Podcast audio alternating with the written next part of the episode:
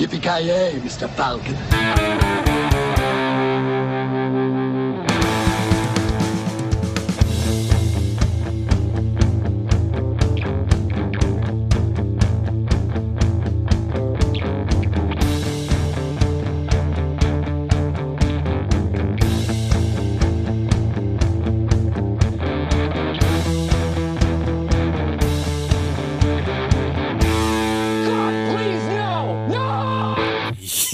Jajamensan gott folk, hjärtligt välkomna till Creative Meltdown Podcast. Ni lyssnar på mig, Kalle. Och med mig i dagens avsnitt har jag eh, Voja, a.k.a. Luleås svar på Billy Feltzer. Hur är läget? Vad sa du, Billy vem? Billy Feltzer. Jaha. Jag börjar fan, Billy, han är så alltså, forgettable så jag, kommer, jag har nyss sett filmen och ändå har jag glömt bort vad fan han heter. Jag har ingen aning vad fan du pratar om. Är det ungen eller? Ja. Huvudkaraktären är det väl okej. i, i, i filmen vi ska prata om. Så jävla forgettable. Jag skulle- jag skulle- Hade du sagt Luleås Corey Feldman hade jag blivit smickrad, men nu var det ju mer förolämpning. Mm. Ja, du är inte riktigt så ung eh, i dagsläget liksom, så det, jag tänker Nej, inte ge den komplimangen. Lika badass. Nej men annars är det väl Christmas spirit nu när man kollar på julfilm liksom. Ja, ja precis. Vi valde Alltså- en jävligt la, läglig film att se på mitt i, Jag känner att mitt i juni. man kan ju hoppas att det här släpps i eh, juli månad så att man får lite jul i juli åtminstone, så att man får den kopplingen.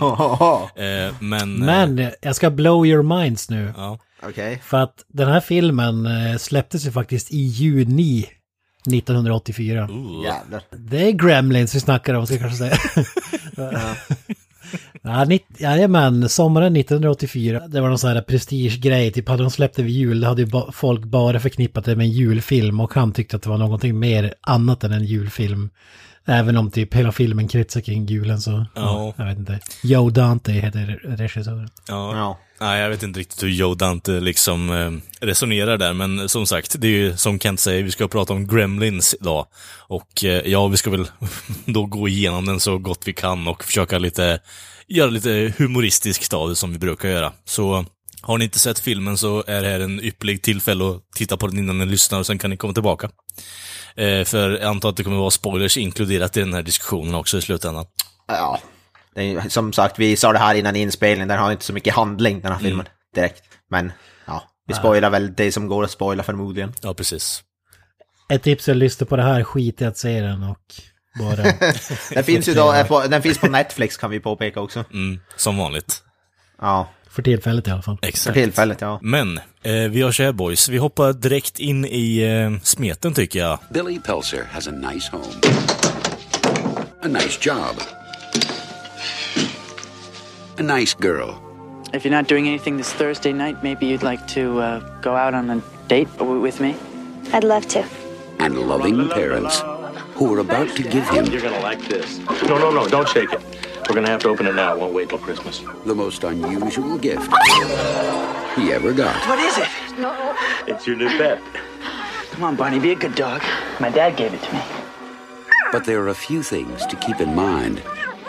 If you expose it to the light, you may hurt it. If you get it wet, it will multiply. All that from water? They got wet? Yeah, plain water. And most important, no matter how much they beg, never, never let them eat after midnight.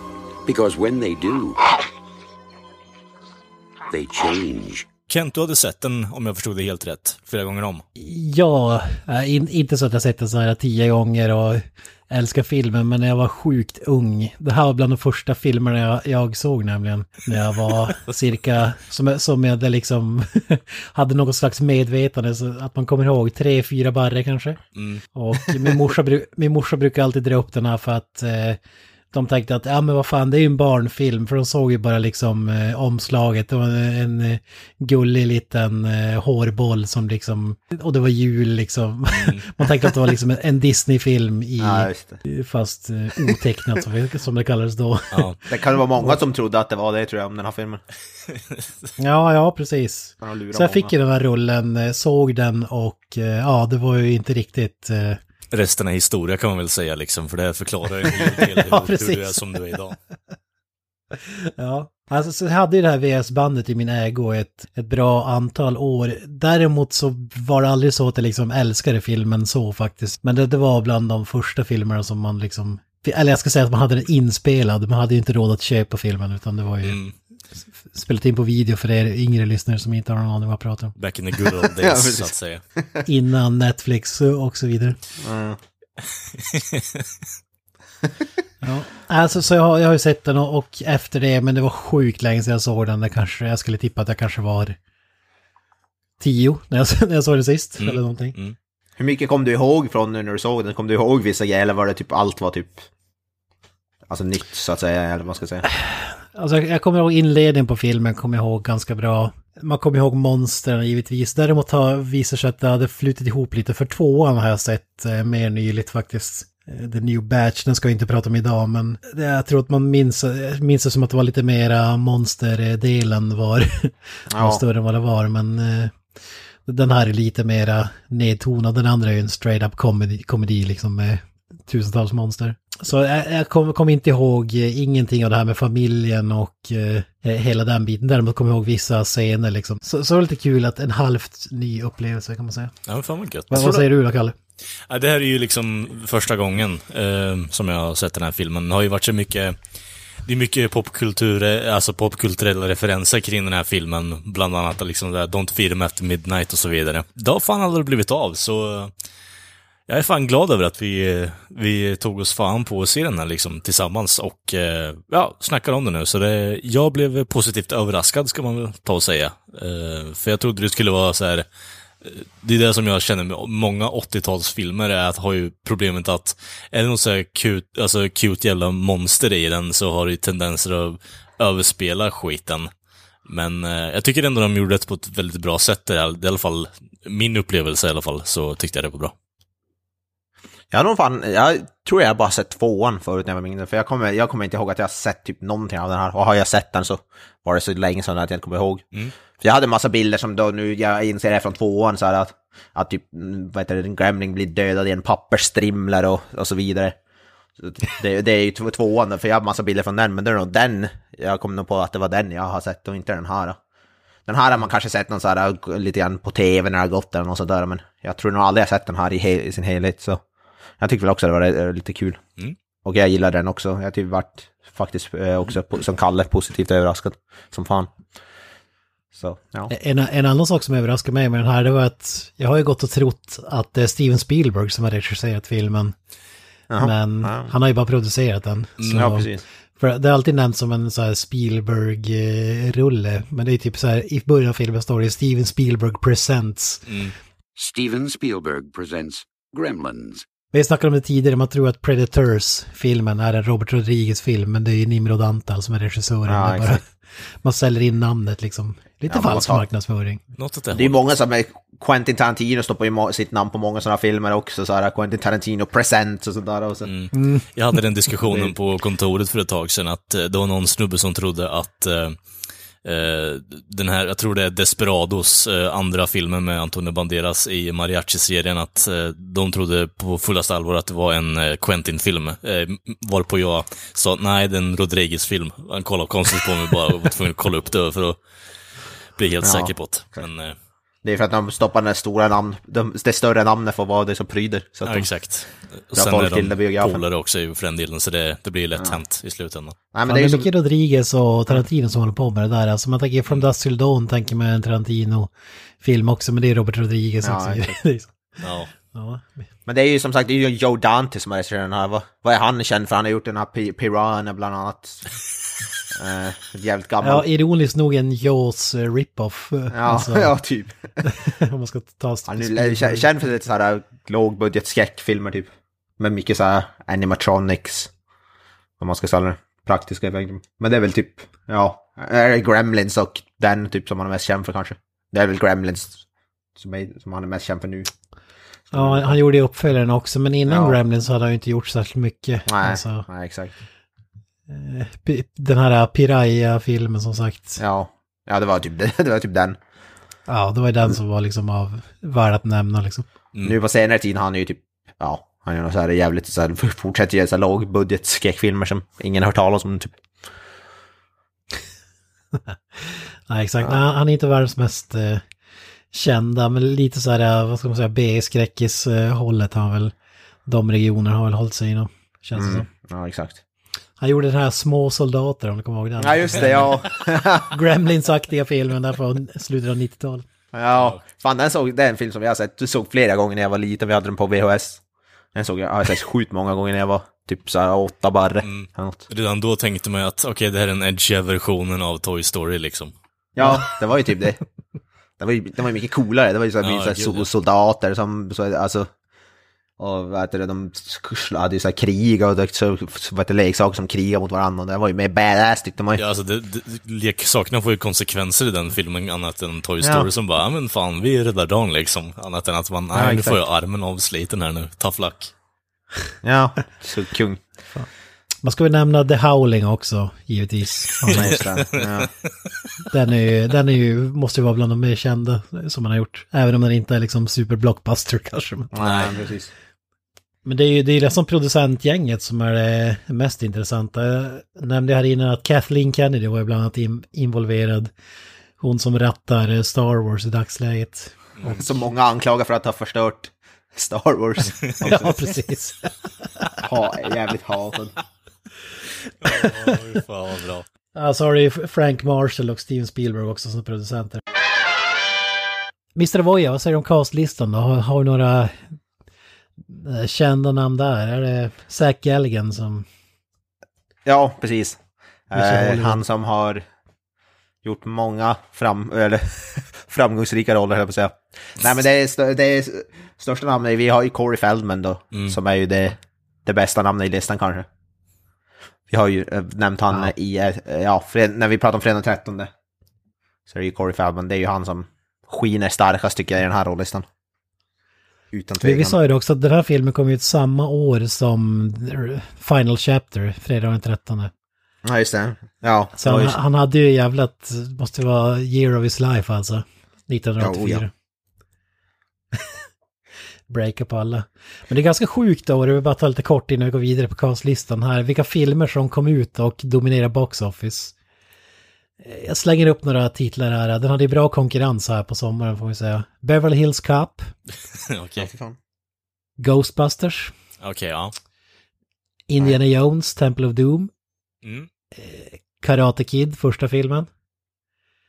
Police Academy, Kung. magisk film. Kungligt. Footloose, Ja. ja. Romancing the Stone, också en kul film. Icke att förglömma Star Trek 3, Search for Spock. ja, det var riktigt tunga filmer som kom ut eh, det här året får man säga. Den- här gjorde ju, gick ju bra men inte i närheten av de bästa. 153 miljoner dollar. Be Beverly Hills Cop drog in mest 234 miljoner dollar, vilket är sinnessjukt. Eddie Murphy dominerar. Men eh, vi går vidare. Alltså, som sagt, huvudrollsinnehavaren är ju mest känd för att ha gjort Hatchet 3. Okej. Jag är mest känd för den filmen och inte Gremlins med andra ord, eller vadå? Ja, precis. Ja, men är det inte Kane Hodder som är med i Hatchet-filmerna? Eller han bara med Eh, ja, i alla fall ettan och tvåan tror jag han är med i. Trean är jag osäker på, men de är faktiskt jävligt Jag har inte sett Hatchet 3 nu, men Hatchet 1 och 2 är ju sjukt, sjukt bra faktiskt. Så det är inte så jävla dåligt är det inte. Slasher-film för de som inte har koll på. Ja. Kane Hodder är den som spelar Jason Voorhees i eh, ett antal filmer. Mm. Men i rollistan har vi ju förutom ja, ja, Corey Feldman och den snubben så har vi ju från ni som säger Breaking Bad och Better Call Saul. Vi har ju Jonathan Banks i en ja, jävligt liten roll.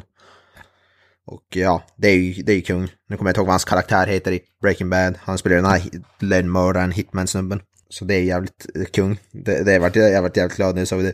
Jag såg hans namn in det, här, förtexten så att säga. Uh, hans karaktär heter Mike Erman Trout. Han är Ja, även det. med i Better Call Saul. Han får ju Ja, stor roll där. Jag tycker han är sjuk kung alltså.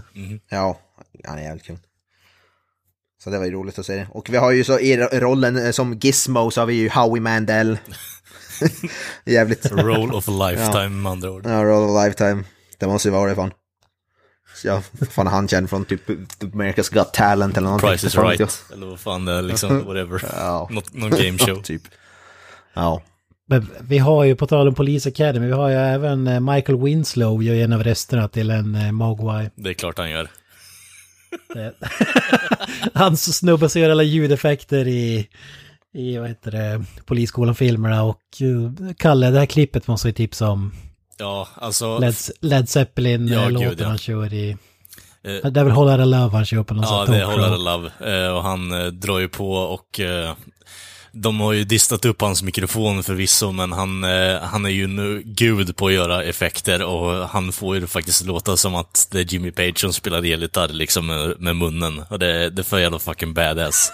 Har man inte sett det så rekommenderar både jag och Kent att söka upp eh, Michael Winslow, eh, Dust eller Zeppelin på YouTube eller något liknande. Helt underbart. Ja, det är helt, st- helt stort, helt stort. What do you want to do? Uh, Led Zeppelin. You want, want to do the original artist key of E? Yeah. All right. All right. Like listen.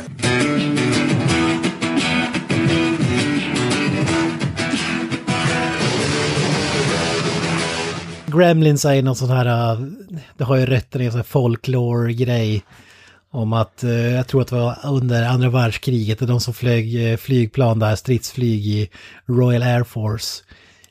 För Storbritannien, liksom varje gång det krånglar något i motorn eller något sånt mekaniskt eller något, då skyller, skyller man på något som kallar det för gremlins. Att det är det är de som ställer till det och så vidare. Och sen spred det som en löpeld och så har vi även en bok från Roald Dahl som har skrivit om eh, Gremlins. Och sen eh, Steven Spielberg bestämde sig ju, eller ligger bakom den här eh, filmatiseringen då.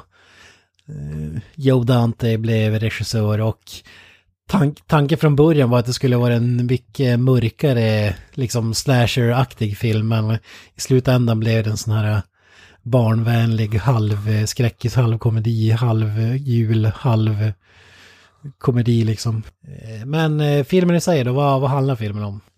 Ja, det handlar ju om då den här Billy, eller vad fan han nu heter, den här väldigt forgettable huvudkaraktär som...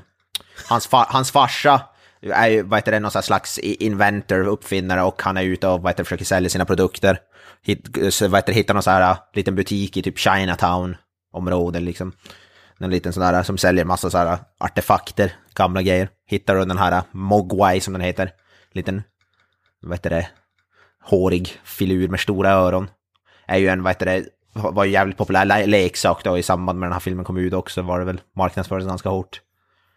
Och i det här är det då, en, i den här världen är det som en levande varelse som kallas Mogwai. Och då köper han ju den hem till sin son då som en julklapp. Eh, de döper den till Gizmo, eller om, ja, om den heter Gizmo, men Gizmo kallas i alla fall den här. Den, den, den, den här lilla filuren då. Och det finns ju de här tre reglerna som när vi pratar om dem, Gizmo eller Mogwai. Den första regeln är You do not talk about gremlins. Mm. Den andra regeln är You do not talk about gremlins. är precis, det är det första. Do not talk about gremlins. Eh, eh, Bra pappers. Äh, vad, är reglerna? Det här reglerna är då att du ska, du ska, vad heter det, de ska inte utsätta dem för alltså starkt ljus eller so, de, starka ljus, eh, ljus dödar dem. Så här solljus eller även jävligt starka lampor tror jag också kan ta ihjäl dem. Eh, du ska, vad heter det, inte få dem blöta. Alltså du ska inte, du ska få inte, en, en droppe vatten så går det åt helvete. Det kan vi ta senare i filmen, men det har ju en stora konsekvenser Inte om du de- får vatten på dem. Inte är de upphetsade garret liksom. ja, exakt. Upphetsar dem inte. Och den sista, eh, är en av de viktigaste som de i alla fall s- på, de trycker helt hårt, att de, du ska inte mata dem efter midnatt. Då eh, går det också åt helvete om du matar dem. Do not feed them after midnight. Är den, den sista regeln. Så håller, håller man sig till de reglerna då då är det väl ett ganska, då är det väl som ett hyfsat snällt, harmlöst, vad heter det, så husdjur. Men eh, som sagt, bryter man reglerna då, det är då det går åt helvete. Och ja, det kan man väl säga att det gör den här filmen. Minst sagt. Ganska, ganska, re, ganska rejält. Det är ju i alla fall grundstoryn då. Och sen såklart, då, vad heter det, ja, det börjar väl med när de, när de vad heter det, råkar spilla ut vatten på den här eh, Mogwai och den multiplicerar, eller den, ja, förökar sig direkt den får vatten på sig. Och sen så går det ut för därifrån. Innan vi går in på själva filmen tycker jag att man borde ta upp de här reglerna för att de är ganska efterblivna egentligen. Och då, de har, då, i uppföljaren så hånar de ju reglerna också, typ, ja men vadå, feed don't feed him after midnight, alltså någonstans i världen är det ju alltid efter midnatt och när går det liksom, när slår det över? Ja, exakt. När, när, vilken tid är det, det är lugnt att mata dem igen? Är det klockan sex, är det klockan två eller klockan tio liksom? Alla, tekniskt sett så är alla timmar efter midnatt är ju efter midnatt liksom. Jo, Det är, som, Ja, rätt, exakt. det är rätt sjukt. Man makes no riktigt. sense. Nej. Och, och sen du får, inte, du får inte mata dem, du får inte ge dem vatten. Hur, hur fan överlever de? Alltså är de... på känslor, på trevliga känslor i Kärlek. magen. Ja, exakt. Ja, ja, exakt. Ja, de får ju, de får ju, ja som sagt, de får ju äta något visst eh, klockslag, man vet ju bara inte vilket, men något sätt Nej, för att det beror på vart i USA du befinner dig. Det, Ja, exakt.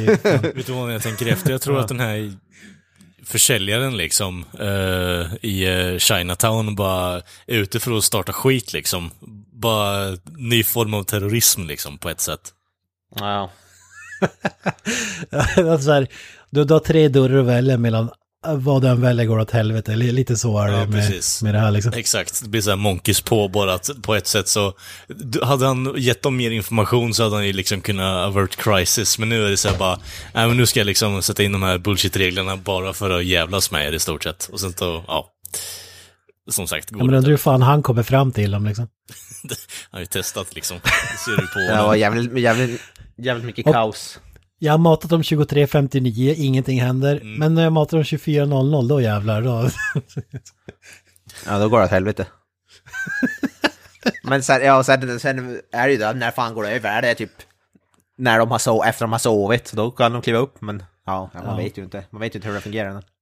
Det, det finns ju jävligt roligt, för det var många, så här, när filmen kom ut var det kritiker som hånade också. Och, och eh, när, eh, i tvåan finns det ju jävligt roligt, då, då är det ju en kille som drar upp just det här, typ, ja men fan det är ju, det- någonstans i världen är det ju efter midnatt, alltså vilken Alltid, tidszon är det som gäller och då, Ja. då hoppar det upp en sån där gremlin som liksom dödar dem. Alltså med bara att håll käften, alltså, Ja. den bryr sig. men, men det är ändå, det är ganska efterblivna regler, alltså jag tror inte de tänker Ja. igenom det här så jävla noga. Men, Det, ja, så Nej. menar du? Ja. Men det är väl lite av charmen, den här, den här filmen är ju lite, är jävligt B.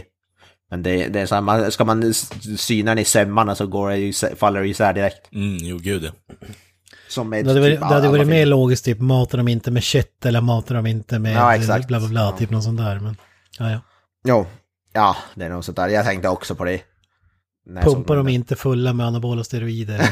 Ja, Precis, får inte roida dem. Jag menar, jag vill ju Belgian träna, Blue eh, Gremlins liksom. jag menar, jag vill ju träna upp min gremlin så att han kan cockfightas liksom i slutändan. Jag hade, jag hade ju velat se Arnold versus Gremlins liksom. Roidad Gremlin mot Arnold. Och om, du, om du berättar filmen, Mr. Roy, vad som hände för, i första scenen med farsan där och när han... Ja, han alltså är han är ju, no, det är en jävla noir-grej typ. ja, alltså den har ju lite, den har ju lite så skum, vad heter det, stämning där i början. Man tror att det ser ut som att det är typ, ja som du sa, någon slags gammal så här noir detektivfilm, men i alla fall settingen är ju så. Men han, det är ju farsan är ju någon slags, slags uppfinnare och är ju ute och försöker sälja någon, ja, jag vet inte fan, han, vad kallar han det, bathroom buddy? Ja, typ. precis. Den är Vilket är ett jävligt märkligt namn alltså. Ja, så det är en stor jävla, ja, ska vara så portabel, Eh, så här, portabla så här, hygienartiklar och skit som du har i badrum. Så här, det är tandborste och det är rakhyvel och ja, det är speglar och allt möjligt som är som inne i NG. Det är som en sån här armékniv fast med massa badrumsartiklar i princip. Mm. Well, let me show you. I got it right here. I'm an inventor. I made this the bathroom buddy. It's the invention of the century, friends. It eliminates the, the need to carry heavy luggage and things when you travel. And you got yourself your shaving mirror. You got yourself your toothbrush. You got yourself a toothpick. You got toenail clippers. You got not nail file. You got yourself a dental mirror. This is going to revolutionize traveling. En sak som jag märkte där i början var ju när han, för han tar ju fram tandborsten och så sprutar, då ska du ju också, har han ju byggt in så att det ska spruta tandkräm typ ur den. Och så, men så, så, spru, så för jag märkte att det sprutar ju på skjortan och så klipper de i nästa scen då är hans skjorta helt ren. Så det var det var liksom det första mi- filmmisstaget jag märkte i den här filmen. Så där, Ja. ja. Nej, men gre- grejen är att han är ju misslyckad uppfinnare för allt han gör blir ju bara, failar ju efter typ några försök. Så det är ju det som är Ja. lite kul också. Men han, han går ju in och försöker gå in i en China shop och försöker sälja den här jävla grejen till ägaren då. Ja. Det är running gag att han försöker sälja massa saker till folk runt omkring honom också. Så det, But you have a lot of nice things in here. But, och så sen börjar han då så pitcha. ja. Min favorit, min favoritdel med det där när han kommer till sales pitchen är ju liksom att eh, man får in en acknowledgement med att han skämtar och drar en dålig ordvits också. Är ju bara, um, you, can, you can adjust your breath liksom, if you have bad breath or dragon's breath liksom. Och så har man, istället för att höra brunch, så har man en gång i bakgrunden. Tänkte ni på det eller? Ja. Ja. Alltså, fan Så vad jävla dumt. bra. Det är så jävla dumt. Ja, det är så jävla mycket med den här. Jag tycker nästan farsan är fan den bästa karaktären i filmen. Alltså det är så jävla mycket sjukt som händer. Ja. Han han tar ju verkligen one dollar at a time också. Alltså han försöker sälja dem en och en till... Alltså det är inte så att han vill sälja 10 000 bathroom buddies. Utan han vill sälja en till den här jäveln som äger butiken liksom. Men, men man kan ju säga an, anledningen till att han är i Chinatown är väl ändå för att han ska köpa... Han har typ inga Julklapp. cash och ska köpa en julklapp till sin son. Mm. Och av någon outgrundlig anledning så väljer han att följa med en Asian kid med Yankees caps hämtad från Indiana Jones eh, snubbe som leder honom ner i en eh, gränd och ner i en källare i Chinatown. Och så, man undrar liksom, det är lite sk- skumt, alltså farsan, vad, vad hade han förväntat sig liksom? Han, han följer Ja. med små barn i gränder liksom, han kanske hade förväntat sig någon annan sak att leka med. Ja, jag vet inte. Det kanske vi ska eh, hålla oss borta från det ämnet. Det lät, låter lite... Inte vidröra det så att säga. Hey, wait a minute. What's down here? This is it. This is your grandfather's store? Yeah. Come on. No wonder you gotta drag people in off the street.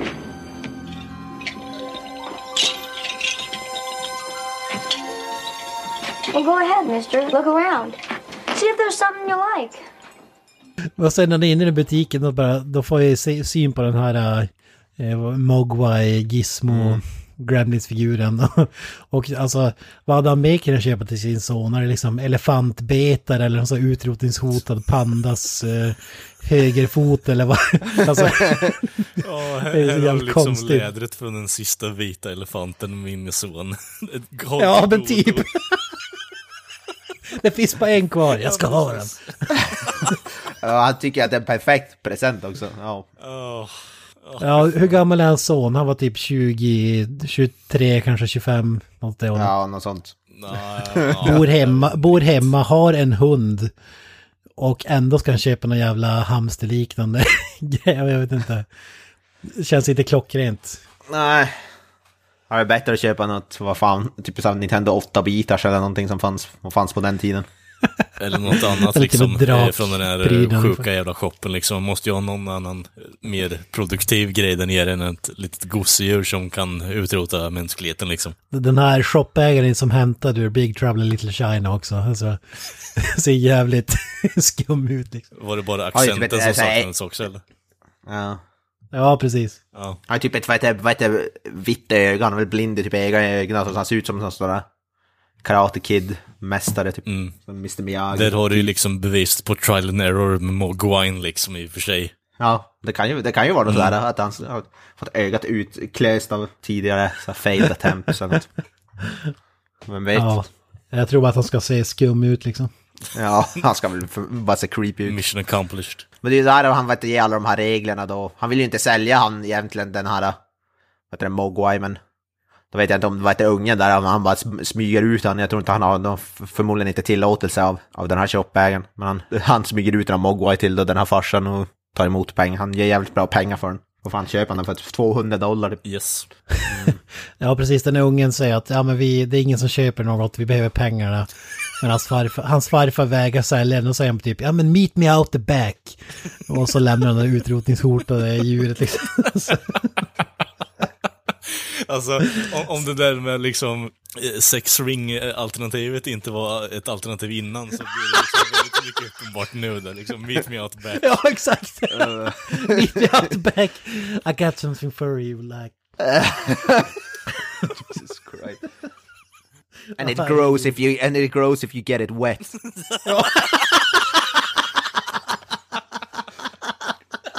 Ja, det är fan mycket så här innuendos i den här filmen alltså.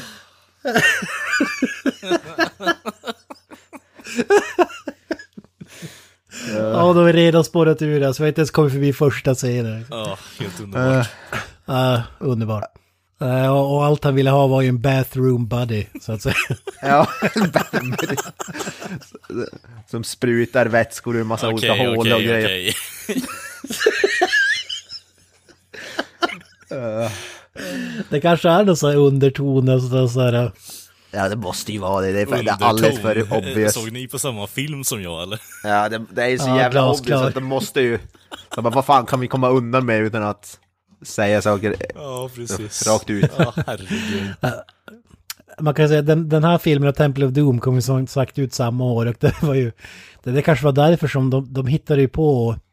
Eh, PG-13 var ju, fanns ju inte innan de här utan det var ju de här för att de var ju på gränsfall till Ja. barnvänliga och inte och... Jag, jag kan tänka mig att öppningsscenen var ju anledningen till att ja men det här kan inte barn se liksom, det är too obvious. Vad gör han med den där asiatiska pojken, pappa? Ja. Äh, titta bort Ja, nu, exakt. titta bort nu, det är ingenting att se Ja, här. exakt. Åh herregud alltså. Ja. Det finns säkert någon som har gjort en så här, vad heter det, alltså forskning eller study på alla så här. Det finns någon så här uppsats någon gång. Sexuella undertoner i Gremlins. Det är som när Tarantino pratar om Top Gun, you can ride my tail anytime och hela den här. Uh, oh Jesus ja, det måste ju finnas. Fan. Jag menar, Ja, om någonting så är det ju övertoner på båda de filmerna i och för sig, men... Ah, ja. Och så hur farsan ser ut också, för han ser ut som en sån person.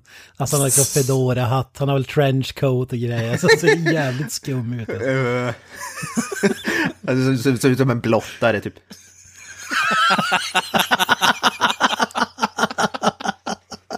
Titta vad farbror Frej tar fram och så bara... Åh.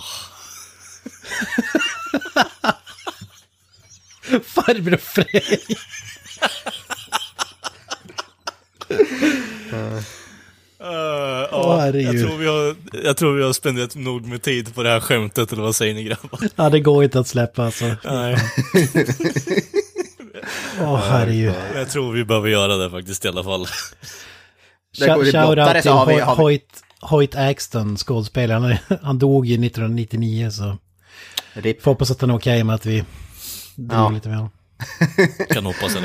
Uh, tyvärr så är det ju inte, det är ju inte det sista vi kan prata när vi pratar blottare. Det finns ju bokstavligt talat en Ja, senare i exakt. filmen.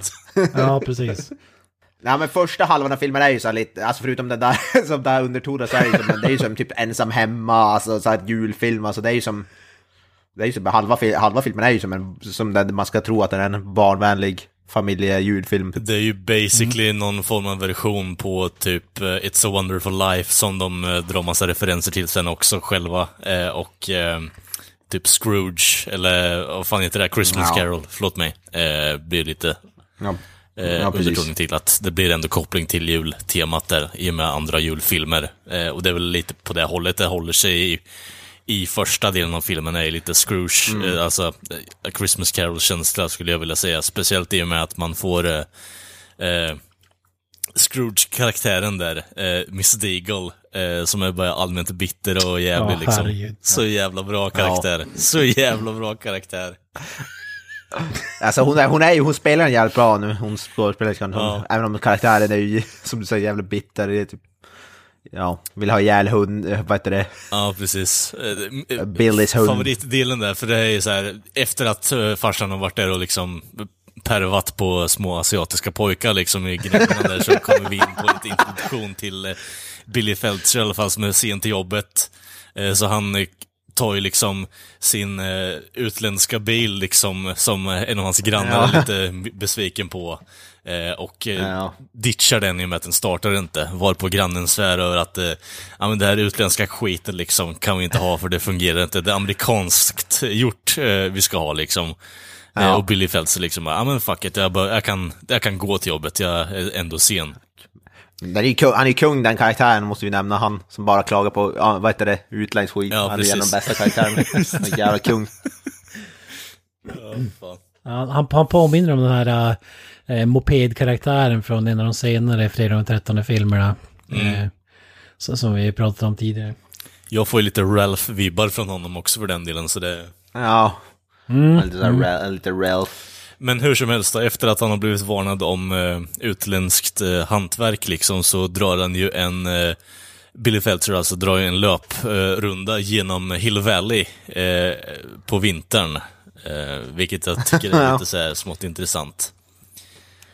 Ehm, Han jobbar ju på någon slags, vad är det, en bank han Ja, jobbar det är på? på en bank han jobbar på. Ja. Och eh, efter att han har kommit till jobbet där då så får vi då introduktionen på Miss Deagle och eh, hennes musik är ju så här. hittills har det varit väldigt så här bara upbeat musik, bara väldigt typisk eh, julmusik skulle jag vilja klassa det som. Och nu kommer liksom två liksom oktaver neråt och det är fruktansvärt osynk och det, det låter för jävligt och ja, jag vet inte det. Hon bara bär på ett snömanshuvud i glas och ser allmänt sur ut. Ehm, Och vi får ju en av de bättre kommentarerna i den här filmen. eh, Där utanför banken så är det ett, en fattig kvinna liksom med sina barn där som bara Ja, jag har fått jobb som sömmerska liksom, men vi behöver lite hjälp för att liksom bli av med lånet och lite sånt där. Men vi kommer inte kunna äta i jul bara. Ja, bara, ja. Men, vi har inte plats för deadbeats i den här stan liksom, säger rakt ut till fattiga människor som bara går in i banken liksom. Det är så här, en riktigt jävla brutal karaktär, men det... Ja, hon är ju, hon, vet jag, hon, hon är inte sån här snäll gammal tant, pratar om att hon ska ge, ge Billys hunden slow death. Ja, just det. If I find him he'll, he'll have a slow and painful death. Och ingen var jag ska köra liksom. dem i torktumlen eller vad fan. Ja. Jävla brutal tant alltså. Ja men hon är bra, hon är jävligt bra. Jag tyckte alltså, för sådana där brukar ju vara alltså, sidokaraktärer i sådana filmer, oftast kan det ju vara lite si så, men jag tycker hon, är, hon gör det riktigt bra faktiskt, den här tanten. Och det bygger upp för en bra liksom payoff, eh, om man ska se till 80-talsfilmers eh, standard i alla fall. Att eh, Ja. de onda människorna får sin comeuppance och eh, Ja, hennes dödsscen är ju magisk. den är magisk. senare, men- och, eh, men som Ja. sagt, man måste ju ha uppbyggnaden av att hon är en värdelös människa och egentligen bara Ja. kastar skit på alla i sin omgivning och det den uppbyggnaden är briljant och eh, skrattar gott under hela den processen i och med att det är så bisarrt språk som används mot, eh, ja, alltså fattiga människor bara som försöker få hjälp i stort sett och ändå... Han springer alltid fra, fra, längst fram i kön på banken, så springer förbi alla, ingen vågar säga någonting. Nej, precis. Jag tycker att den är lite väl cartoon character faktiskt. Alltså det känns som att alla andra förutom farsan då som liksom var på jakt efter något annat men fick nöja sig med en eh, Gremlins. Eh, att, eh, ja, hon, eh, jag tycker hon är lite väl överdriven bad guy, jag vet inte. Alltså jag vet inte riktigt, det är ju inte hon som är the bad guy, ut, utan det är mer bara en sen... Det är en enkel payoff i slutändan skulle jag vilja säga. Eh, däremot så, jag vet inte riktigt. Det blir mer bara en... eh, Det blir inte så mycket mer development annat än att hon är crazy cat lady i slutändan och eh, alla i stan tycker inte riktigt om henne. Hon är bara allmänt bitch mot alla i stort sett. Ehm, så jag vet inte riktigt, det är ingen bad guy per se, men det är ju mer såhär bara... Det är en enkel payoff på en dödsscen lite senare, skulle jag vilja kalla det som fall. Ja, precis. Det är en person du vill ska se det på skärmen. Så Ja, exakt. Ja, men när han kommer hem då, då kommer ju farsan med ett, har ju ett paket till honom. Det visar sig att den här snubben försörjer hela filmen, hela familjen genom att jobba på den jävla banken. Ja, precis. Eh, har du en Ja, kort... så hans farsa, farsa drar inte in så mycket stålar med sina uppfinningar. Jo, alltså han har ju en uppfinning som jag faktiskt reagerar lite på. Han har ju den eh, eldrivna hammaren eh, som, som The Simpsons har snott, eh, by the way. Vilket jag tycker... Det är så jävla roligt för runt om i hela huset ser man hans jävla uppfinningar, alltså ser man den där loggan överallt. Så ljuspress och det är någon typ av, ja jag vet inte vad man ska kalla det, en mobiltelefongrej. Grej. Ja. Ja, han svarar med i telefonen genom att, ja, det var nog också något konstigt, någon sån fjärrkontroll till fjärr, för telefonen som inte det, ja, Koncentrerat det kaffe om man nu tycker om det liksom. Ja. ja, kaffe som bara ser ut som, det är ju bara ett kaffe så att det kära typ.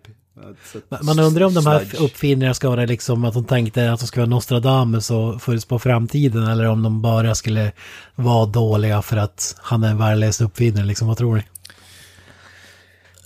Alltså ärligt talat så ligger det nog lite mitt emellan där skulle jag säga. För, för, för ärligt talat så påpekar ju morsan det till eh, Billy bara Ja men alltså hans uppfinningar är ju bra de första veckorna men sen så går de ju bara sönder liksom. Ja. Men alla hans uppfinningar finns ju typ i någon version ändå idag, så jag vet inte hur många av dem som fanns då.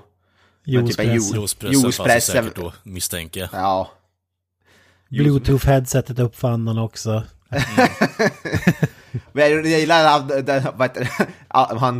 en av hans uppfinningar är en askkopp som är en askkopp med ett lock i princip. Det är typ det. Smoke free ashtray och den har gjort att jag tagit ask, ask, askkopp och tagit ett lock, lock på den. Men det där har väl jätte- funnits i hundra år också känns det som. Ja, det är inte så jävla revolutionerande liksom. Hur svårt är det att fimpa sin cigarett liksom innan man stoppar ner den där? Ja, det är också, men alltså bara... Men han är ju bara, det är som att man tar en bara, vad heter kväver röken genom att stoppa ett lock på en ask, askfat liksom. Det är så, så sjukt revolutionerande ska det vara. Ja, men de har ju, de har ju scener sen när de visar när de testar hans uppfinnare så går ju allt åt helvete. Men det sjukaste är ju typ, jag stoppar in en apelsin i den jävla juicepressen.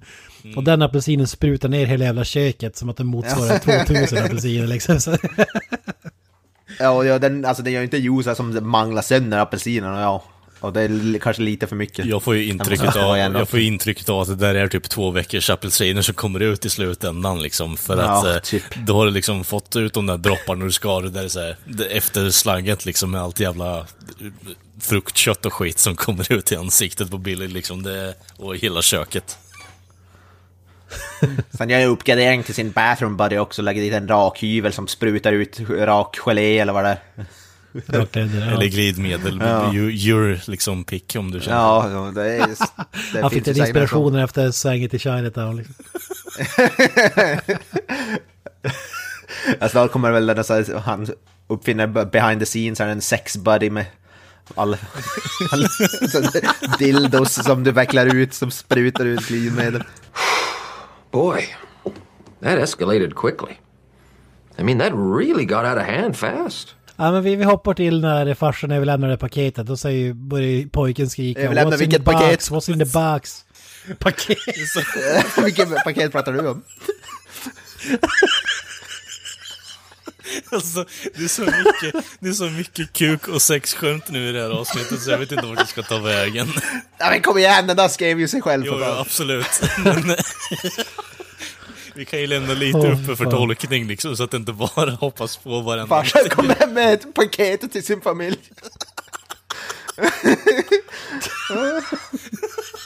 Åh, Jesus. Nej men, nej, men seriöst då, när, när han ska lämna över den där kuben då börjar det helt plötsligt börja spela musik, snuttar Lonely Islands, Dick in a Box som...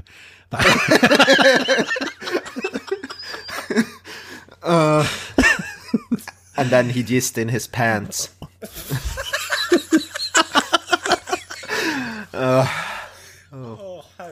Ja, det är som att ha fem år igen. Ja, fy fan. Jag höll på att spruta vatten över hela datorn där. Åh. Herregud.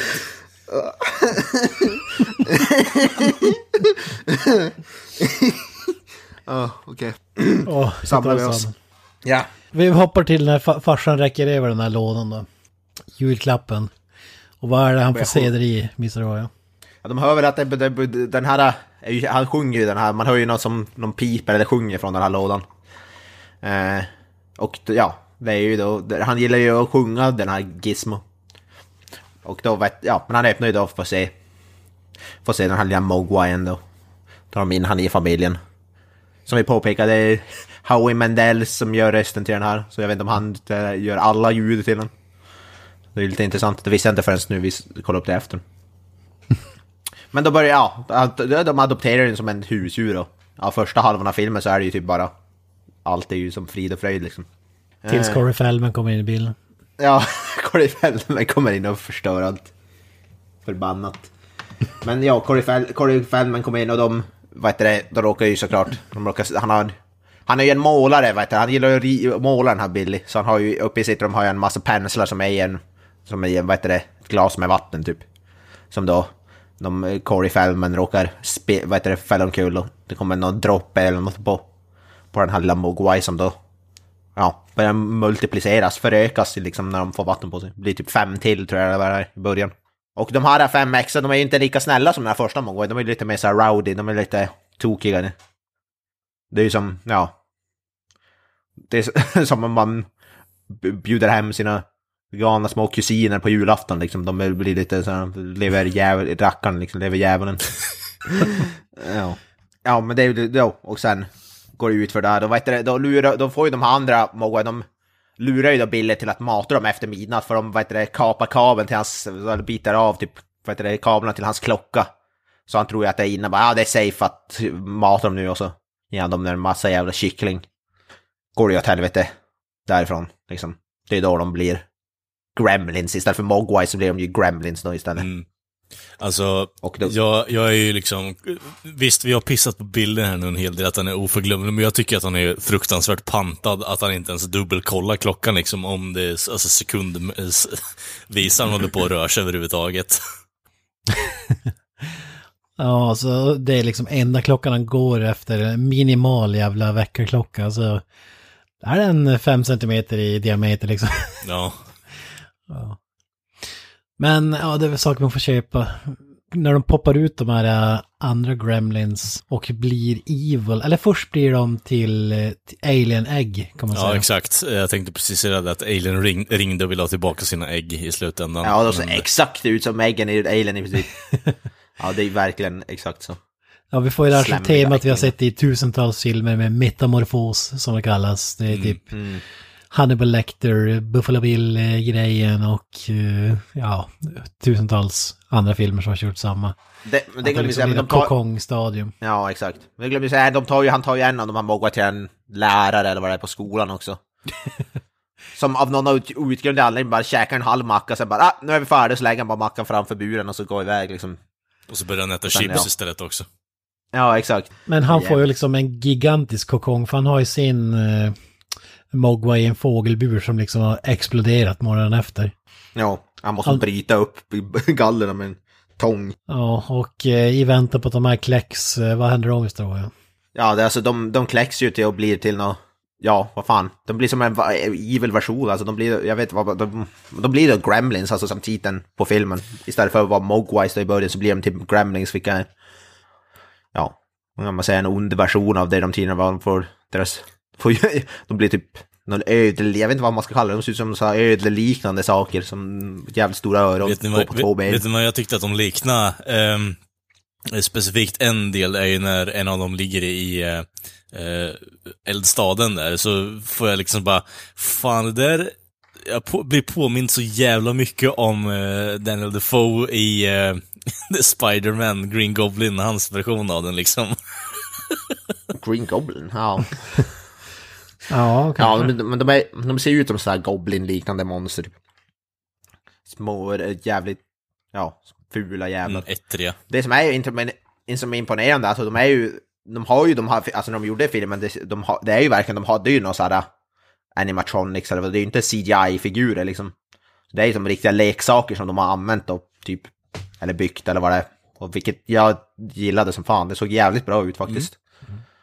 Ja, det är nästan det bästa med den filmen tycker jag, att effekten håller upp så jävla bra för att de ser ju jag tycker än idag tycker jag inte, ja, förutom när de, när det är när de ska röra sig, alltså gå och springa och sådär, det är då det ser för jävligt mm. ut. Men för, förutom det när du bara ser dem på on-screen när de sitter någonstans eller håller på med någonting på en och samma plats, då, då ser det ja. jävligt bra ut måste jag säga. Ett typexempel ja. på det där är ju när de har, eh, ja, lite senare i filmen, de kommer in alla i stan liksom och det är så här en wide lines shot och alla, de står typ 50 meter bakom liksom.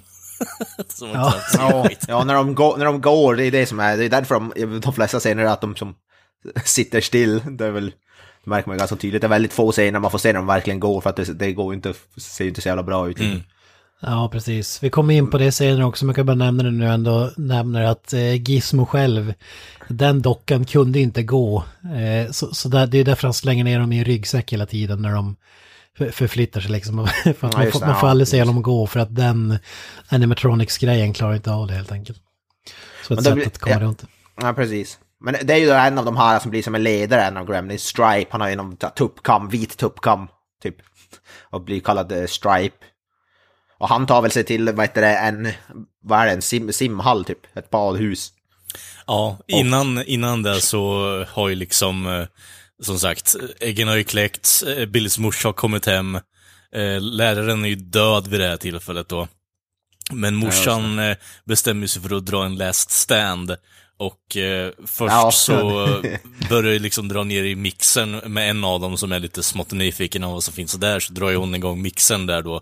Och Ja, eh, ja det är fan bra. spiller, ner, liksom, spiller ut en massa så här, gremlin guts över hela eh, köket. Köket. Ja.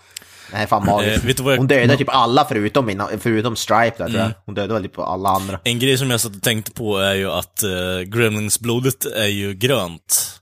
Och eh, Ja. Steven Spielberg har ju jobbat med George Lucas. Och Mm, Gremlinsen... Yoda. Ja, exakt. Och Gremlinsen är ju ganska lika Yoda, så är det från Gremlins George har fått för sig att eh, Yodas blod är grönt? Ja. Ja, jag tror det var något som comes to mind. Du, du menar den här, eh, när någon behind the scenes kommer in och, det är väl i dokumentären där. eh, Ja. Um, what, what color will Yodas blood be? Mm, green. alltså jag tror han, han plockar ju bara någon färg liksom i huvudet. Jag, jag tror inte att... Eller ja, Ja. kanske. Kan det, kan det vara att han tänker tillbaka och... Vad fan hade Gremlins för någonting? Ja, precis. jo, det är ju typ en gremlin. Det kanske är Gizmo när han har blivit gammal eller något. Men, men. Fan vilken plot twist skulle vara om det var liksom... Gremlins ingick i Star Wars-universum. Ja. Ja, awesome. Gizmo Det skulle förklara om hans, eh, hans läromästare slash jedi är den här snubben i Chinatown. Det skulle faktiskt förklara del. ja, precis. Kollar han bara Men midichlorians vi- vi- vi- eller vadå? ja, exakt. Men vi har ju glömt nämna det viktigaste, att farsan är ju på julafton, han är iväg på någon jävla uppfinnarkonvention. Mm. Så han har ju lämnat stan, det är därför sonen och morsan är kvar hemma försvarslösa Ja. mot de här Mm. monstren så att säga. Jag vet inte fan var, varför de valde det, var, var det för att de tar ju jävligt idiotiska beslut när allt det här händer liksom. Är det bara för att, ja men fa, farsan är den enda kloka. Det här var ju innan liksom metoo och hela den här biten. Var det... Ja, det, det- det är inte den tidsåldern liksom, till exempel. Nej, precis. Ja, för att ha någon anledning att han inte ska vara där och skydda sin familj. Det är lite intressant också att morsan är så jävla aggressiv och battle ready. Alltså, Ja. men, men det är säkert när farsan har kommit hem, sålt någon bathroom buddy för lite, drar i sig någon whisky, liksom att han har liksom manhandled her. Så då drar, drar hon en dual wield steak knife mot honom liksom, medan han kör med här jävla flug, eh, flugsmällarmaskinen han kör vid frukostbordet också. Ja. Elhammaren den- åker fram liksom. Fan, den där flugsmällarmaskinen kommer nog till väl, väl till används i, i sovrummet kan jag tänka mig. Sovrum! Uh, Ja, herregud. Fatta Nej, effektivitet. men hon, hon kan ju ta hand om sig själv så att säga. Och jag tror det finns Ja. en förklaring. Mm. ja, det är fan badass. Hon tar ju ihjäl de jävla på löpande band där i köket. Mixar, en, en spränger hon i Så jävla mikrovågsugnen. kunglig scen alltså, så jävla Ja. underbart. Och sen bara eh, flat out stabbar en gremlin bröstet typ fem gånger. Det är de bästa scenerna.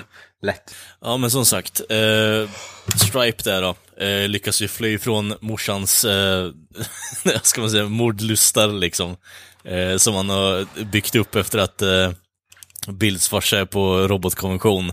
Eh, och beger sig då till den lokala poolen om jag har förstått det helt rätt. För eh, Ja. att eh, som sagt sprida mer kaos i stan i och med att ja, det är bara han och eh, Gizmo kvar nu som är av eh, deras sort, så han behöver ha lite mer backup så att säga. Så eh, hoppar ner i poolen och eh, ja, wreaks havoc, eh, så att säga. Och eh, hela stan blir då översvämmad av gremlins. Och eh, eh, först ut på listan och eh, bite the dust, så att säga, är då Mr. Walter eh, Futterman, så att säga. Och han och hans fru blir på de en snö, snöplog. Mm. Det är med om en stor snöplog. Han har ju en un- Ja. jävla underbar scen där, för de sitter ju och kollar på TV. Eh, frun kommer in och bara Ja men eh, vad trevlig stämning är det. Och han har ju blivit av med jobbet liksom, så han är inte så jättepigg på tillvaron så att säga. Eh, och sen så blir det lite störning i TVn. Han bara, ja men fan, håll inte på och byt, fiffla med TV nu för fan. Och så var de, ja men du har ju kontrollen. Och så håller han på och försöker byta bara. "Aj, fan jag måste ut, jävla skit, jävla utländskt skit-tv. Vi skulle köpt en amerikansk tv liksom. och så går han ut och kollar parabolen. Eh, blir eh, am- ambushed av massa gremlins. Och eh, ja, som Jocke sa så blir han ju då, han och frun eh, blir ju då eh, sammanplogade eh, till en eh, av eh, Ja. plogen som han har köpt. Och eh, även har fått byta ut till, eh, med vissa av eh, utländska delar så att den fungerar. Så han får ju liksom en ja, en ironisk eh, liksom payback i slutändan efter att han snackar massa Ja, skit. de, där, de där utländska delarna funkar bättre än vad han sa. Ja, precis. det, var, det var faktiskt kul. Ja, Ja. jävligt bra. Och sen får ju så här stresslat ut över stan får ju se dem Reeks Havoc, liksom någon som försöker posta ett brev men eh, vad är det, brevlådan spottar ut det igen eller är det tvärtom att de snor det eller hur fan? Nej, de spottar Nej, ut. de spottar ut brev. Ja, det är ju Gremlin i brevlådan där. Bara, Njam, njam, njam. Ja, sådär. Typiskt. djur. Så på alla sätt går Reek Havoc när de inte går, får, får vi se. Ja, i princip. De hänger från olika grejer så här, och eh, hoppar på människor och hänger från människor som biter dem och ja.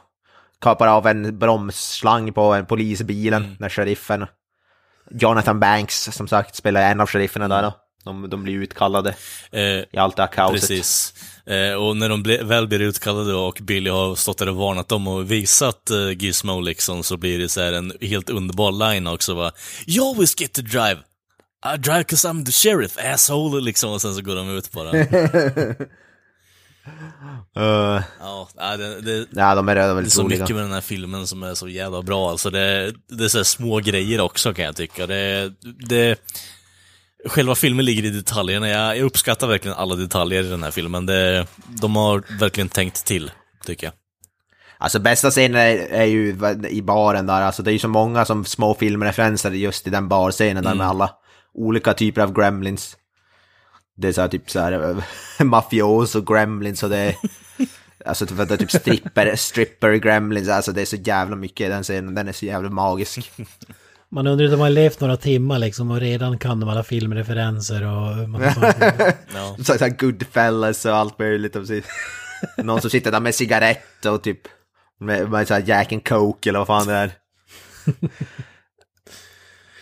Men en Crazy Ja, Cat alltså- Lady i payoffen får ju bli också magisk eh, death scene där. Ja. Ja. Har du lust att introducera den och Deagle. Kent? För det är ju en väldigt bra uppbyggnad i den scenen samtidigt också. Ja men vi har ju den här Evil, eh, får man säga kärringen, från, från början av filmen. Så, Ja. som eh, ville döda hans hund och så vidare. Och hon bor i någon slags mansion-aktigt. Där hon har, som man brukar säga i skräckfilmer, en sån här, eh, en stolhiss. Alltså, det är liksom en hiss, en stol som är monterad på en vägg och som går upp för en trappa. Som gamlingar eller handikappade brukar åka på i de här filmerna. Och hon åker då ner med sina hundra katter supersakta och så helt plötsligt knackar det på dörren och, och där det står ju Gremlins där ute. Och sjunger. och, och, f- ja, de sjunger så här uh, Christmas carols. Ja. Fantastiskt bra måste man säga. Ja. Det är ändå liksom, Men i, det- det är ändå on point liksom i slutändan. Så. ja. Och Först hon bara I hate Christmas carolers. Ja. Ja, alltså. Jä- Jävligt kul också när de står med så här mössa och grejer också där ute och sjunger. Så. ja. Klassiskt USA-grej. Men Ja. hur som helst, så de jagar in henne, hon, hon stänger igen ytterdörren, springer in, ska sätta sig på den stolen igen, men då är det någonting som går galet och den här stolen går i 180. Och hon flyger upp för trapporna och ut genom fönstret och ut på vägen liksom. Ja, det blir jävla fart i den, när de har trimmat den. Ja. Det är som, att- det är som när de har trimmat som en, vad heter det, det är en sån här pushmoppe typ. Så att den går så här 150. där. Trim, de har trimmat hissstolen, eller det är en gremlin som går in i något jävla, ja, håller på med några jävla kablar där och håller på. Så att den, går så jävla fort att de slängs ut genom fönstret och ja, ut på gatan. Så jävla kul. Ja, den är riktigt bra faktiskt. Magisk dödsscen alltså. Men det är det som är kul, att helt plötsligt blir det liksom slasher-aktig film, för det är runt 13 style.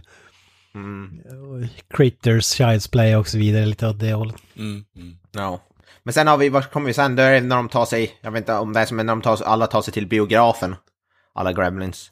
De, Ja. de, de, de går ju bananas genom hela stan och typ attackerar folk och är inne på baren och dri- dricker öl och ja, förstör ju allt. Men sen går alla av någon anledning bestämmer sig för att ta sig till biografen för att se, vad är det, Snövit och de sju dvärgarna. Ja, just det. Alltså teckna, te, den tecknade filmen.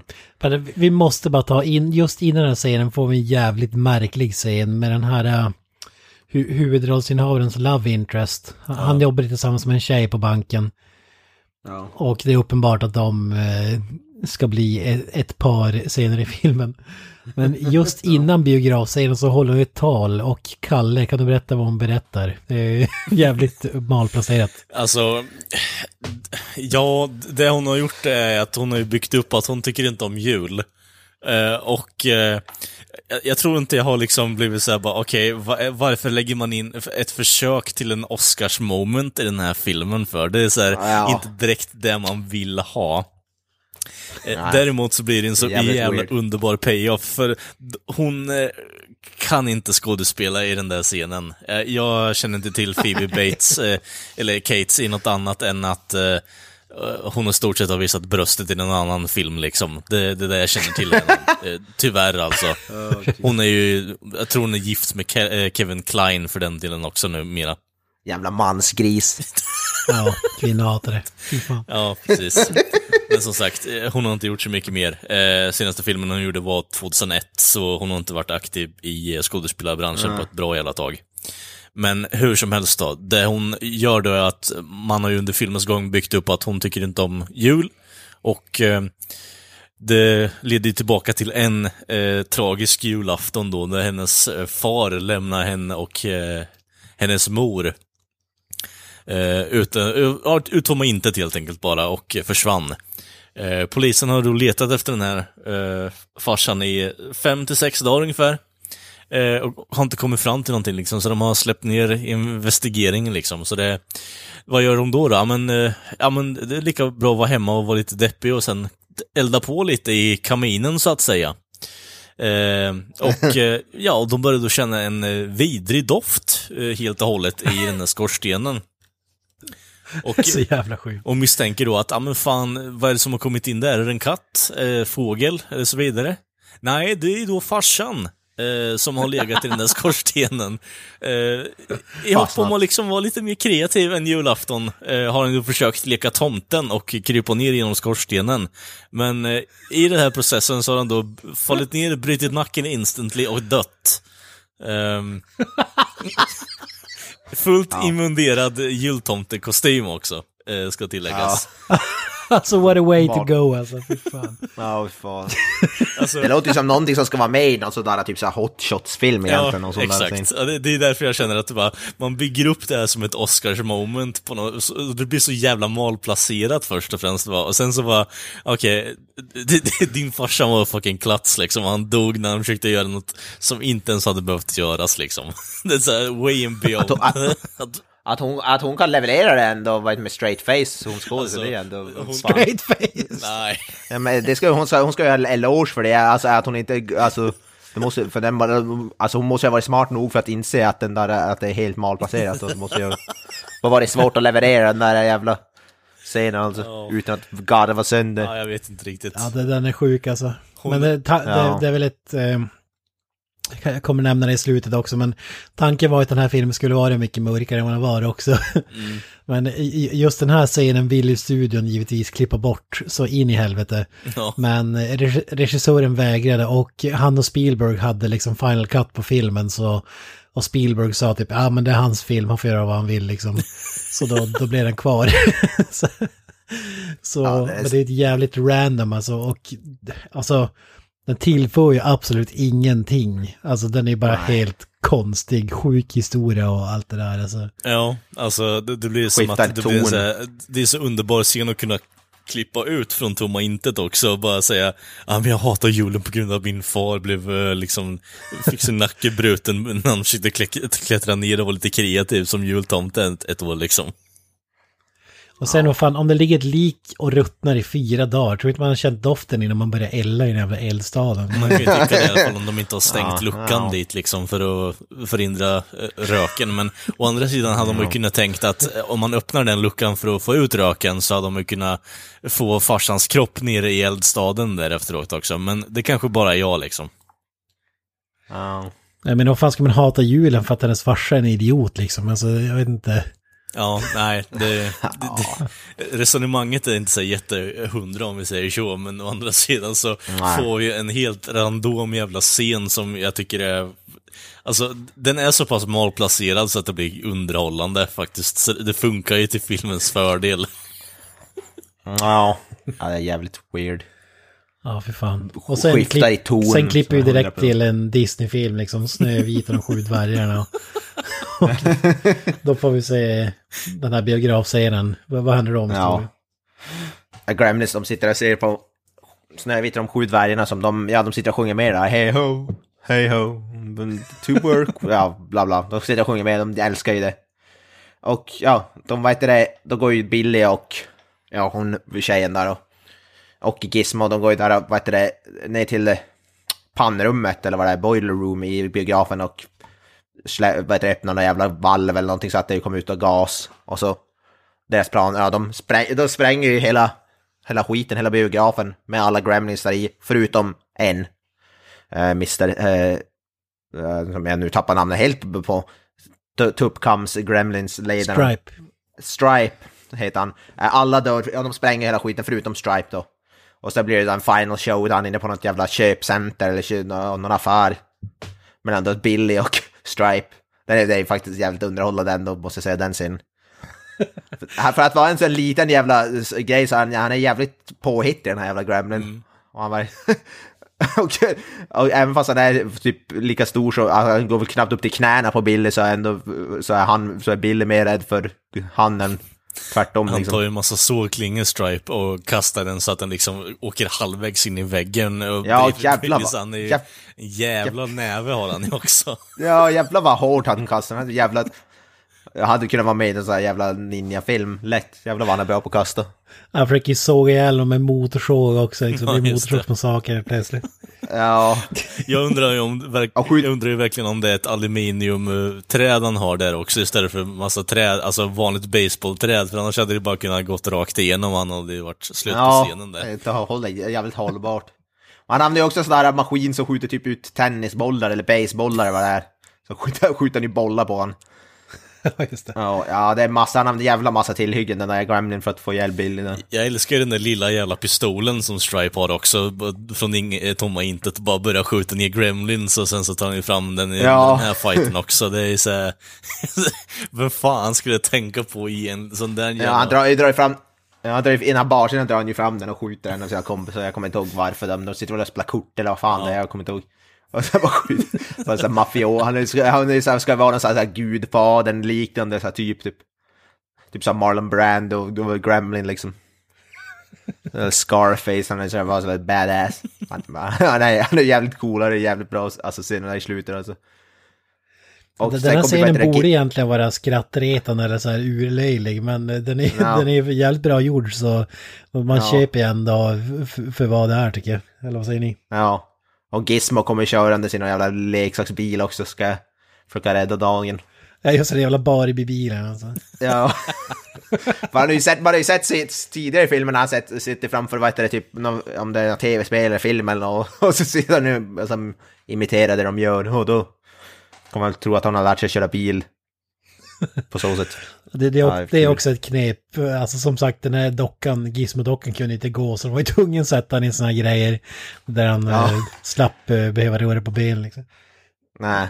Nej, jag vet, det är roligt, jag tycker det är roligt. Det ser, som sagt, som du säger, det ser ju bra ut som fan. Det ser inte, det är inget, inte CGI eller något som gör att det sticker i ögonen. Jag menar, om vi säger så här, Det- de, de använder ju nackdelarna till sin fördel eh, med eh, propsen, så Mm. det, jag vet inte riktigt, det är ju väldigt enkelt i dagsläget att bara kunna säga, ja men, fucking CGI that shit liksom, bara för att vi behöver ha honom att gå här nu, istället för att kunna säga att, okej, han kan inte gå, vad gör vi då? då? Ja, men sätt honom i en leksaksbil, vad fan, vem bryr sig? Ha någon så här etableringsscen också, där han kollar på bilförare så och verkar lite intresserad. Liksom det, Men det funkar ju. Det löser, de löser det på snabbt med Stripe där också. Han sitter ju allt, han sitter i den där och skjuter vad heter det, bollar och han sen varenda gång han slåss mot Billy så är det som Billy håller som fast han så det är väl han som får sköta som alla rörelser där liksom. Så det- de, skö, de löser det på ett sådär smart sätt så att de slipper ha honom att han går omkring liksom. Mm. Ja, exakt. Man, man ser det. Och det är, man köper ju den då. Det ser ju, och han ser ju, det ser ju bra ut, alltså som sagt, det ser ju bra ut. Ser ut som att det skulle kunna vara en riktig sak liksom. En riktig creature. Den här serien också när Gizmo kör runt är, är jävligt populär. Alltså, och de- den är jävligt cool. Det är som att han, han kör runt på det här uh, varuhuset eller vad fan det är. Men det, Ja. det är filmat som att han liksom kör i en storstad när de sätter kameran liksom. Och filmar bara för rutan och hans eh, huvud. Ja. Och liksom kör med ratten och så. är så jävla Får, får liksom... Men se, hör man inte någon sån röst i bakgrunden också som pratar från någon film eller någon sån där filmen han såg tidigare? Hör man inte någon sån där voice-over typ? Jo, men det är ju från filmen där, han har kollat på liksom.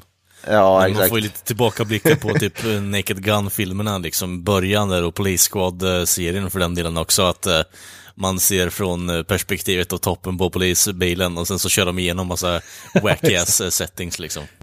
Ja, magisk scen, men när den är slut då, då ramlar ju farsan in i bilden igen och den här jävla hunden.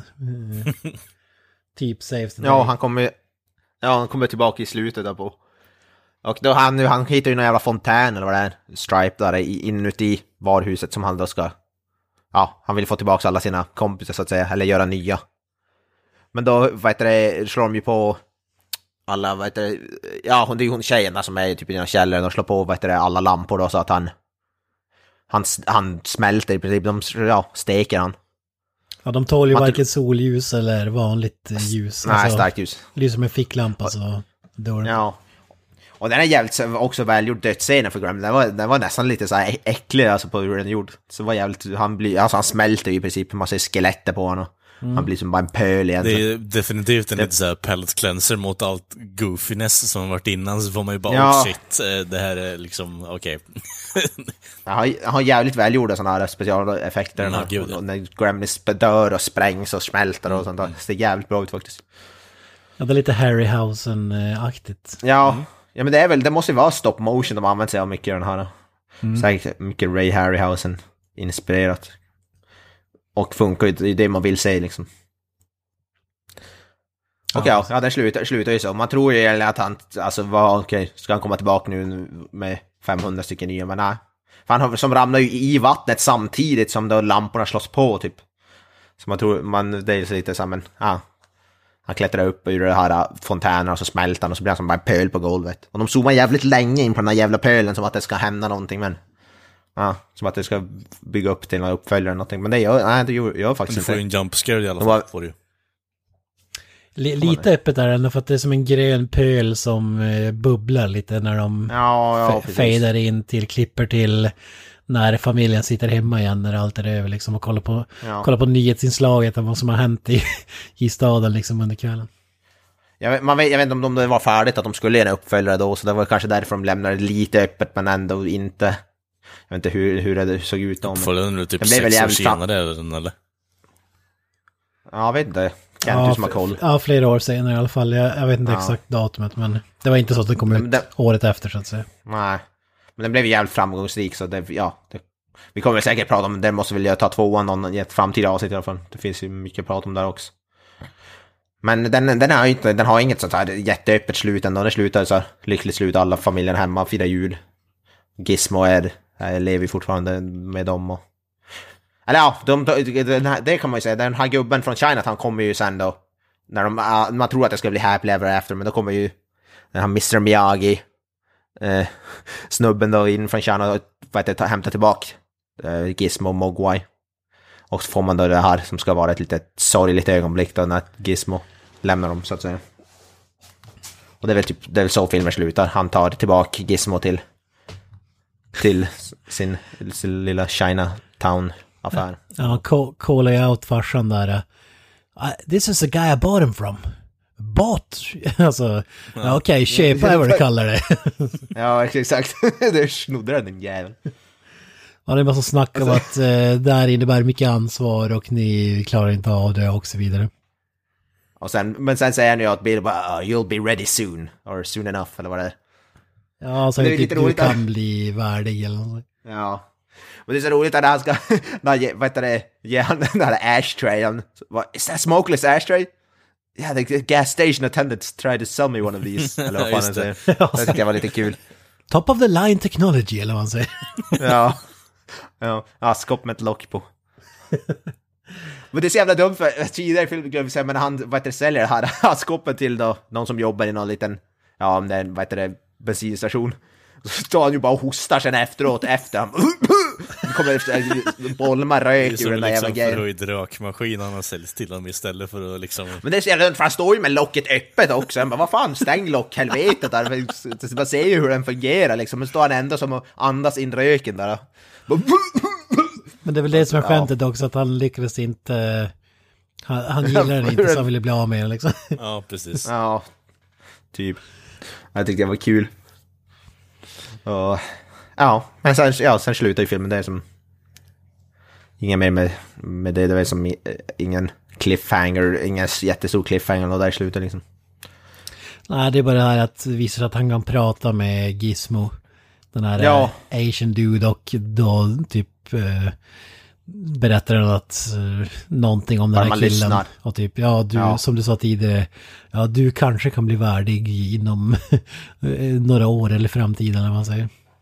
Ja, han säger, han, för han, ja som du säger, han kan den här äh, gammelgubben och han kan ju prata med Mogwai. Så då förstår, vad, do you understand what they, what they say when they're talking to you? But, eh, bara, ja, om du lyssnar, if you listen you'll understand. Och så öppnar han då buren och så säger han Gizmo då typ bye Billy eller vad det är.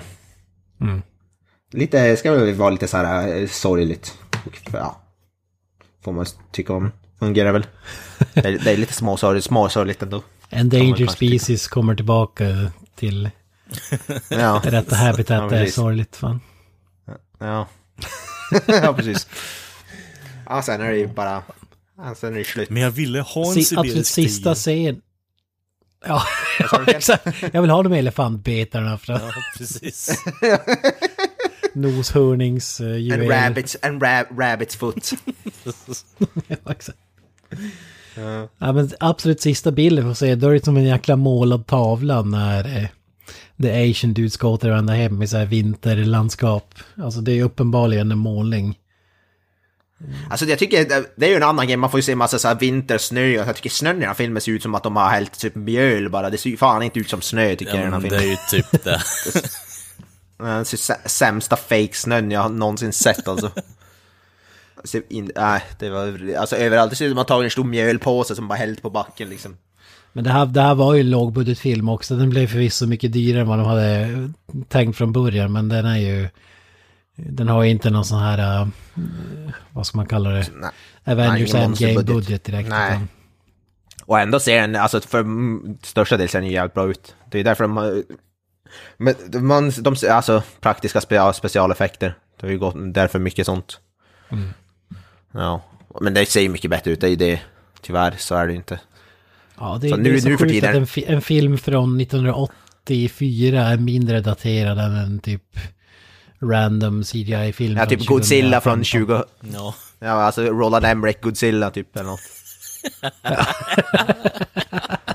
Men det är ju, det är ju fan så, det är rätt sjukt.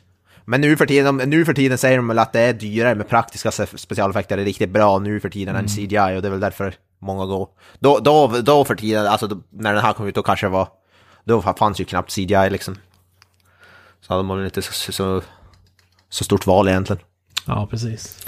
Men då tycker jag det är ännu mer intressant att man lyckas göra så här bra praktiska specialeffekter och inte ha en, en alltså, så jä- fruktansvärt bra budget i slutändan. Nej, Nej det är sjukt imponerande. Ja. Ja, tanken var ju som sagt att det skulle vara en sån här B-film, skräckisaktigt, jä- jävligt mörk eh, film. alltså, tanke, början av filmen var, var ju tanken att Gizmo skulle bli Stripe. Alltså the bad guy, det. alltså typ Chucky. Det, det hade ju make mer sense egentligen. Och Ja. i första scenen ska morsan bli halshuggen och eh, han äter upp hunden. Så, så det var lite annorlunda. Alltså man hade ju velat se den filmen. Man hade velat se den filmen nu när du nämner det. Men varför det inte blev så, det var för att Spielberg tyckte att Gizmo var för gullig och han tänkte väl att ja, här har vi en chans att sälja leksaker och eh, mjukisdjur och hela den här biten. Så att han bestämde att han var tvungen att klara sig och att han skulle vara good guy filmen igenom liksom. Så därför fick vi inte det här. eh, Ja, men ja, det gjorde de väl. Det sålde väl som fan den här Gizmo. Var inte den superpopulär typ? Ja, alltså Mer- Merchant var ju typ Star Wars-klass. Det fanns ju hur mycket som helst. Sådana lunchboxes i USA och... Ja. Ja men alltså allt du kan tänka dig fanns med Gremlins och, och framförallt eh, Gizmo då som blev Går ju superpopulär. fortfarande att köpa, går ju fortfarande att köpa Gizmos tror jag. De produceras väl typ fortfarande. Går ju typ fortfarande att köpa, det är ju sjukt. Alltså det, det är så här, som, som det, du kan klappa typ så, så vad heter det, så låter den liksom och sådana där grejer. Alltså, super, en av de mest populära leksakerna typ genom historien nästan. Alla vet ju typ vad en Gizmo är. Nu Liksom. tycker jag i och för sig att eh, det finns så klara koppling till eh, Gremlins och eh, Minions liksom. Så Ja. Minions är väl nya Gremlins kanske, fast i en sämre version. ja, minst sagt. Ja. Men jag vet inte, ska vi sätta något betyg? Eller vad tycker vi? Vi har gått igenom filmen rätt, rätt bra nu. Kent, du som har sett den här, levde den upp till dina... Det som du kommer ihåg? Eh, nej, jag må- jag måste faktiskt säga att jag blev besviken. Alltså, jag älskar de här eh, Gremlins-delarna av filmerna.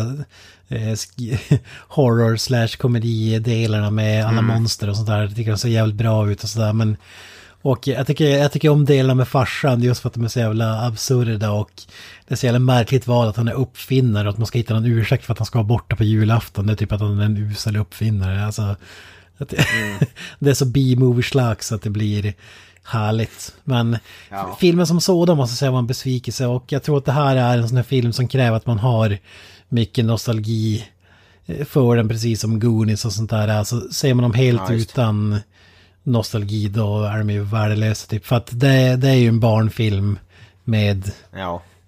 Lite mörkare element och sådär. Alltså att, ja, li- lite besviken men eh, den är ju kult och så vidare. Men jag, gillar mer monsterbiten och tanken på alla de här monstren än filmen i sig kan man säga. Men jag, jag tycker ändå att den är så pass välgjord att den får en 7 av 10. Men eh, mer än, mer än så skulle jag ändå inte ge den. Även om det är kul att säga den liksom. Ja, man kan ju förstå att du gillar tvåan med, för den är väl typ bara de bra bitarna i princip från första filmen. Ja, det, var ju ett tag sedan jag såg den också, men vad, jag minns så var ju den lite roligare i alla fall, underhållningsmässigt. Sen den är ju en helt annan film än, än den här filmen. Liksom. Den är, de fick ju fria händer att göra vad fan de ville och de tog ju vara på den. Visst finns det i tvåan är det så här massa olika versioner av Gremlins också, så större, muterade versioner och så vidare. Ja, du har ju så spindel-gremlins och... Ja. jag tycker att den måste vi fan ta och prata om också, för jag är sjukt sugen på att se den nu måste jag säga. Mm. Jag har sett den här.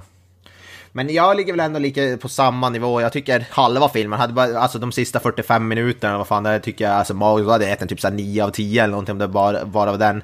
Men eftersom halva är lite mer sådär familjevänligt och inte lika bra så får den ändå bara en 7 av 10. Men andra halvan med Gremlins är ju typ 9 av 10. Sjukt bra. Men som helhet 7 typ. Ja, jag kan, jag kan bara tillägga att alltså, det jag tycker att filmen vill ju inte vara en julfilm, men jag tycker fan att juldelen är där man sitter mest. Alltså, jag tycker det är sjuk mm. julkänsla ändå. Så här Ja, 80-tals eh, julaktigt liksom. Ja, det hade ju varit perfekt som julfilm är det ju. Jag tycker, jag tycker definitivt den. Och den brukar väl ändå räknas som en julfilm när man räknar upp julfilmer. Tillsammans med ja, Ensam hemma och Die Hard såklart. Ja, det, det var mer jul än vad jag mindes alltså. Jag tycker det är märkligt Ja. att den inte släpptes vid jul. Ja, det var jävligt mysko att se den i, så här, nu så här, mitt i sommar. Det känns jävligt konstigt men Ja. gav ändå så här, lite jul, julfeeling. Ja. Kalle, vad säger du då? Kalle då? Ja men alltså, som ni säger, det är, det är ju en barnfilm i slutändan blandat med uh, gore. Eh, så, så på, på, den, på den aspekten kan jag ändå liksom uppskatta att det blir eh, Eh, den här underbara slockkänslan som jag får av att se den här är ju, ja men det är liksom här, jag blev lite smått frälst av att se den här filmen. Jag tyckte den var helt, alltså nej, jag tyckte den var jävligt bra faktiskt. Eh, det är inte så här 10 av 10 direkt, utan det är mer bara underhållningsmässigt så var jag liksom, ja men jag var, jag var nöjd rakt igenom i stort sett. Eh, oavsett om det var så här små karaktärer som eh, Mr Deagle eh, till exempel, eller om det var farsan som hade goofy ass eh, sex antics i eh, Chinatown, eller om det var en sån här skum eh, släppmaskin eller elektrisk hammare som han höll på med, eller ja men alla jävla mytosgrejer i huset i stort sett, så farsan är ju aldrig riktigt borta därifrån, han är ju alltid där eh, med alla prylar som finns där, så det det blir ändå en sån speciell känsla rakt igenom i filmen och lite så, som vi har sagt nu, Home Alone eh, typ av film här. Att det är mycket prylar överallt och mycket, ja men eh, fuffens i stort sett bara. Eh, Billy är ju Ja, ingen, alltså- Billy är ingen leading man om vi säger så. Det, jag hade ju tyckt att Corey Feldman hade ju definitivt kunnat eh, fylla de skorna lite bättre och sen hade du kunnat recastat eh, eh, The Love Interest med någon annan lite yngre kanske, bara för att. Eh, men eh, ja... Där, är, där är helt med dig. Alltså Corey Feldman sk- skulle ju ha varit den här ungen. Det hade ju make mer sense att han hade fått den här uh, varelsen också av en farsa. För att han är ju typ fem barre och den andra snubben är ju som sagt 25 år typ. Alltså, Ja, men han är ju till och med... Han, Och jävligt mycket bättre ja, skådis exakt. också. Han är ju till och med där och håller på och eh, nosar i den här nya presenten och sen i stort sett så efter att allting har fuckat ut så säger bara Corey Feldman bara Oh, that's really interesting. Och sen bara well, I, I'm, I'm serious, I'm really interested liksom. Och sen så klipper de liksom. Ja, Eh, så det blir... han är med alldeles för lite. Han är bara med i typ 10 minuter av filmen. Alldeles för Mm. Ja. lite. Wasted opportunity. Men han kanske var så här stor, han kanske inte hade 10, alltså han var väl gigantisk. Han var typ, barnskådespelarmässigt sett så var han väl säkert en av de mest, alltså då, på mitten av 80-talet. men det var lite hans breakout-år. Det var väl det som var grejen. De hade Ja. inte insett storheten i honom ännu liksom. Att Nej, nej det kan ju vara det också. världens bästa skådis då. Ja men alltså han, han visar ju ett range Ja, i den här typ. filmen, eh, och även på de tio minuterna som han bara är med. Han är ju sarkastisk, han är ju genuin, han är, ja, men han är liksom, Ja. han går igenom registret. Jag, jag får ju mer och mer respekt för Corey Feldman faktiskt. Så det, han hade Ja. definitivt kunnat varit en bättre liksom, huvudkaraktär och jag vet inte om det hade blivit en ännu bättre film i slutändan och mer kultbelagd i slutändan om han hade varit huvudskådis i den här filmen faktiskt. Men eh, Alltså, alltså den här filmen som en typ mörkare, som de sa tidigare, med Corey Feldman i huvudrollen, där det var ju 10 av 10 liksom. Alltså det är ju drömfilm. Ja, man måste ändå säga, om man ska vara seriös så måste man säga att han är bland de bästa barnskådisarna man har sett faktiskt. ja, gud ja. Ja, ja, ja. Så. Ja, fan, han är ju Ja. guld. Men med det sagt så finns det lite stökiga undertoner här också tycker jag. att 25-åringen är liksom bästa polare med en... För Corey Feldman är ju bara en kompis. Han är liksom åtta barre eller vad kan han vara? Tio Ja, barre, ja, det var för fan. Det, det går genom generations den här. Det är inte bara farsan som är... Han passed down. liksom. Ja, han bara lär sig sin son sina Fast jag, är lite ny, jag är, fast jag är lite nyfiken på om det är the other way around, för Corey Feldman kom ju in och betalade granar och skit liksom åt den här familjen för att han potentiellt ska få sätta på eh, liksom, eh, ja, det, Man har väl hört through the grapevine att den här familjen, de kan sina grejer ja, liksom. precis. Det är liksom fram med maskineriet, gubbfan, annars jävlar. Ja. Oj. Ja, men hur som helst, då, bortsett från att vi har dragit upp sexskämtet 55 000 gånger i det här avsnittet, så alltså, filmen har sina nackdelar, men jag tycker ändå att det var en underhållande upplevelse och eh, ja, jag kan förstå varför det är en kultklassiker, så den, den får fan en eh, 7,5 av mig faktiskt, slutändan. Fy fan. Vi ligger ganska på samma nivå Ja, allihop ungefär. då. Jag skulle väl hylla den lite mer än vad ni har gjort, men Ja, ja, men ska vi dra Gizmo i den här säcken eller? jag tycker vi gör det. Ja. Vi skickar iväg honom ut på gatan tillsammans med Mr. Deagle. Så, gott Ja. folk. Ännu ett avsnitt in the bag så att säga. Och ni hittar oss på sociala medier och allt ni behöver är, göra för att hitta oss där då är att söka på Creative Meltdown Podcast. Och eh, vi släpper ju som vanligt ett avsnitt i veckan. Och eh, vi har ju även vår egen hemsida för gott skull. Och den heter ju då createmeltdownpod.wordpress.com och där kommer det upp lite checka recensioner och annat fränt material. Så håll utkik där. Och som sagt, vi hörs ju nästa vecka och syns nästa vecka också för den delen. Så avslutande ord här boys. Eh, ja, det är ju då eh, Peace out och så vidare.